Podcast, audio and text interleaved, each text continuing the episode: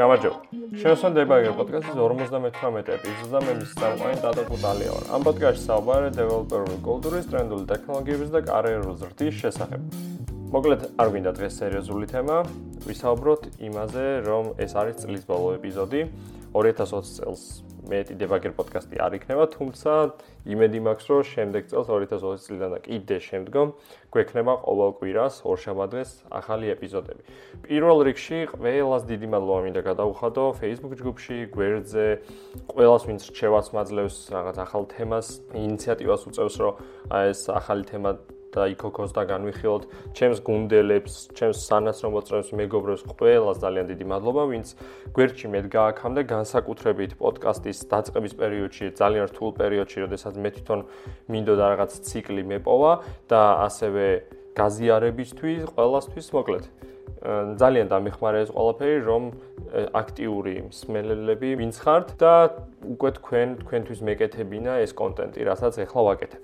ასევე მესმის რომ ყველა ეპიზოდი შეიძლება არ იყოს ისეთივე კარგი, ანუ ყოველი ეპიზოდი არ იყოს წინაზე უკეთესი, იმიტომ რომ აქვს რაღაცა ლიმიტი და იმის იქით ზოგიერთი ეპიზოდი უბრალოდ ვერ მიდის, ან მე თვითონ ყოველ ეპიზოდში იმაზე უკეთესად ვერ ვაკეთებ როგორც წინა ეპიზოდში, თუმცა საერთო ტრენდი რო შევხედო პოდკასტს, მიდის ისე როგორც მინდა და მომავალ წელს უფრო მეც ვისრულობდი ალბათ. მოკლედ რო ვთქვა, როგორი იყო წლევანდელი წელი ჩვენთვის, თქვენთვის მსმენელებისთვის და პოდკასტისთვის. იმ რადგან ამ ეპიზოდს უსმენთ, ესე იგი რაღაცა გაინტერესებთ ამ პოდკასტში, რაღაცა ისეთ იგებთ ალბათ ჩემგან, რაც ყოველდღიურ ცხოვრებაში, პროფესიაში შეხვდებოდით და თქვენთვის საინტერესო შეიძლება აღმოჩნდეს და ის თემები, რასაც მე თქვენ თვითონ რაც Facebook ჯგუფში წერთ, რის განხილვა შეიძლება რისი არა, ხო?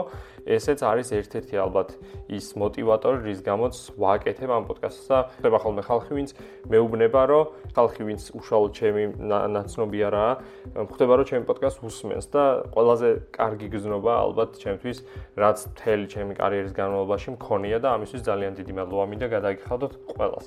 მოკლედ, როგორ იყო 2020 წელი? ცუდი ალბათ გლობალური მასშტაბით საშინელება. თუმცა ანუ უნდა ვეცადოთ რომ ყველაფერში რაც დავინახოთ მეორე მხარეთ, ხო არ შეიძლება ერთდროულად ყველაფერი ცუდი ხდებოდეს, ან ეგეთი რაც არ არსებობს. რაღაცაში სინათლე შეგვიძლია დავინახოთ.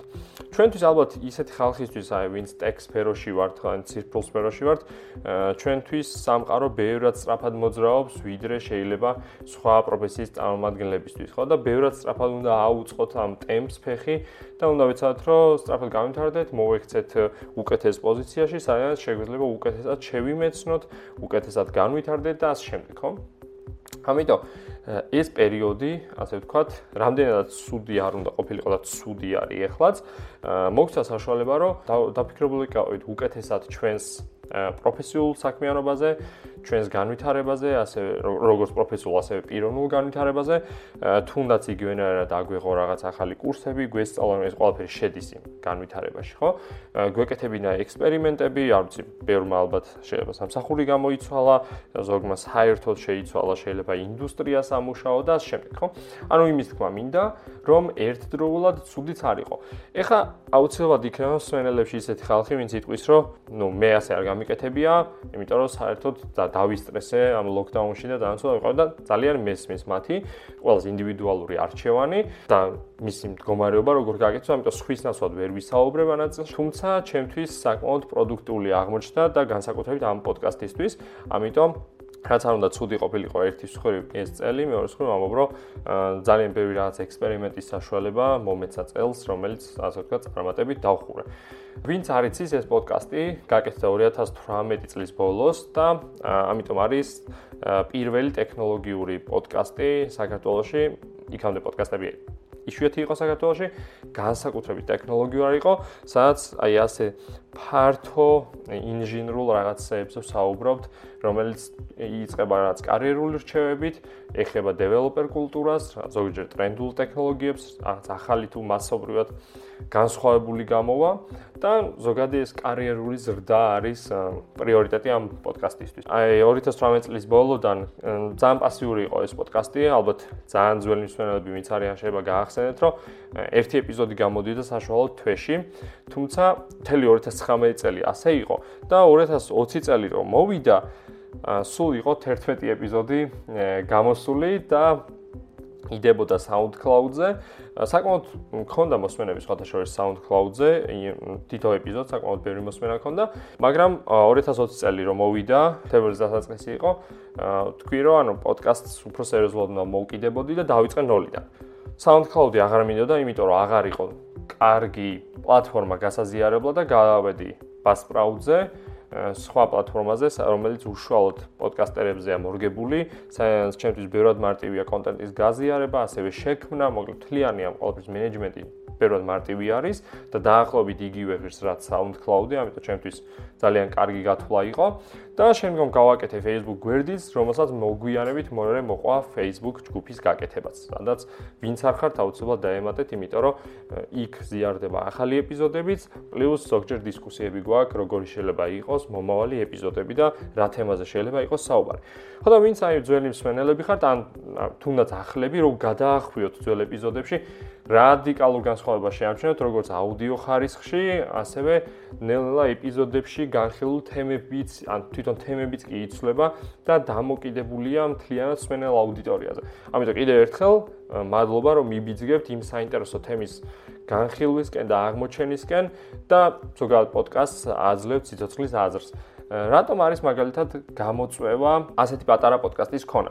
ნუ პატარას გულისხმობ ქრონომეტრაჟი 10 წუთი, მაქსიმუმ 12 და 1-2 ეპიზოდი მაქვს, მე მგონი რომელიც 15 წუთიანი ყოფილა. ძირითადად რას თემაზე როცა საუბრობ, მინდა რომ განვიხილო გემრიელად ასე ვთქვათ, როგორც რეალურ ცხოვრებაში ადამიანს დავალაპარაკებდი. შეიძლება რაც 1 საათი, საათნახევარი ვიდისკუსიოთ იმ თემაზე, თლიანად რა პატარ-პატარა კუდები შეიძლება კონდეს აი ამ თემას და ისე კარგად განვიხილოთ, რომ შეგვიძლია საბოლოო რას დასკვნებზე შეჯერება.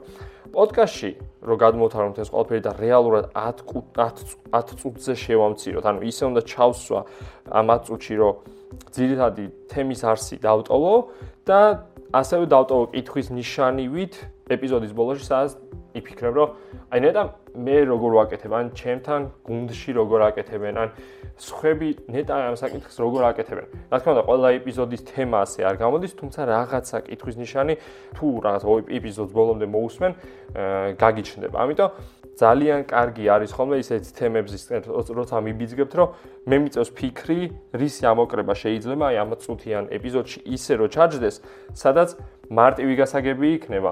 და ჩემი ანუ ასე ვთქვათ ქართულ ჯიგრულ პონჩი რომ ჩავსა და გადმოთარგმნო ეს ყველაფერი თავის მაგალითები და ასახსნად. იმიტომ რა თქმა უნდა რასაც საუბრობ ის მასალა მოიძებნება ინტერნეტშიც სადღაც ზოგ წიგნებში ნაკლებებში ან ფერგენ იქნება. მაგრამ გასაგები ენაზე აი გასაგები ყოველდღიური მაგალითებით რომ ახსნა გადმოსცე აწუჩი ჩაატიო ეგ არის რაღაც ცალკე ამოცანა რომელსაც ვცდილობა აი კვირიდან კვირამდე ახალ ეპიზოდში გავუნკლავდე და ეგ არის რასაც მიბიძგებთ და ეგ არის საინტერესო ზუსტად ჩემთვის რომ აი გავაკეთო.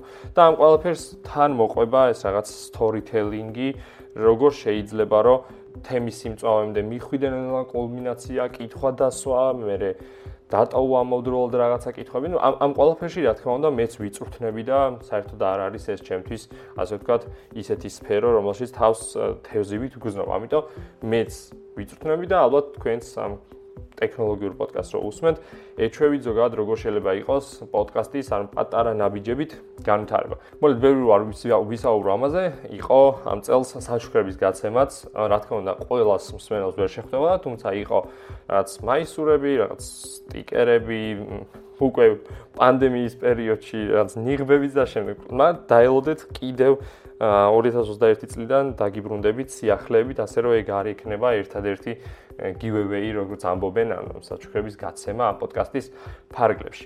მოგეთ, ეს არის ზოგადად პოდკასტის სპეციფიკაზე, რასაც გიყვებოდით. ალბათ ცალკე ერთ ეპიზოდს ჩავწერ მომავალში, თუ ვინმე დაინტერესებული იქნება, როგორ საერთოდ რა ნაბიჯებს გადის პოდკასტი და როგორ ხდება აი ნოლიდან აი გამოშვებულ ეპიზოდამდე Facebook-ზე გაშვებამდე ამ ეპიზოდის მომზადება. დიდი მადლობა კიდევ ერთხელ. გილოცავთ დამდეგ რობა ახალ წელს. მინდა რომ შემდეგი წელი ყოველას ისეთი კონდეს, როგორც ისურვებდა და თუ რაიმე მიზანი გაქვთ ყველა შეძლო შესრულება, თუმცა ყოველთვის მიზნად ნუ აიღებთ, რომ აი მის 100% უნდა შევასრულოთ, თავარი არის, რომ ნებისმიერ ნაბიჯზე თავს გზნობდეთ ბედნიერად და კომფორტულად, იმიტომ რომ საბოლოო ჯამში თქვენი მენტალური მდგომარეობა ბევრად უფრო მნიშვნელოვანია, ვიდრე ის პროფესიული საფეხური, სადაც ხართ. ამიტომ ყველას გისურვებთ, რომ თქვენი შინაგანი წარმატება გეპოვოთ და ის წერტილი სადაც ბედნიერად იგნოთ თავს. ასე რომ, წარმატებას გისურვებთ ყველას და მომავალ შეხვედრამდე. მადლობა. Thank you. Bye.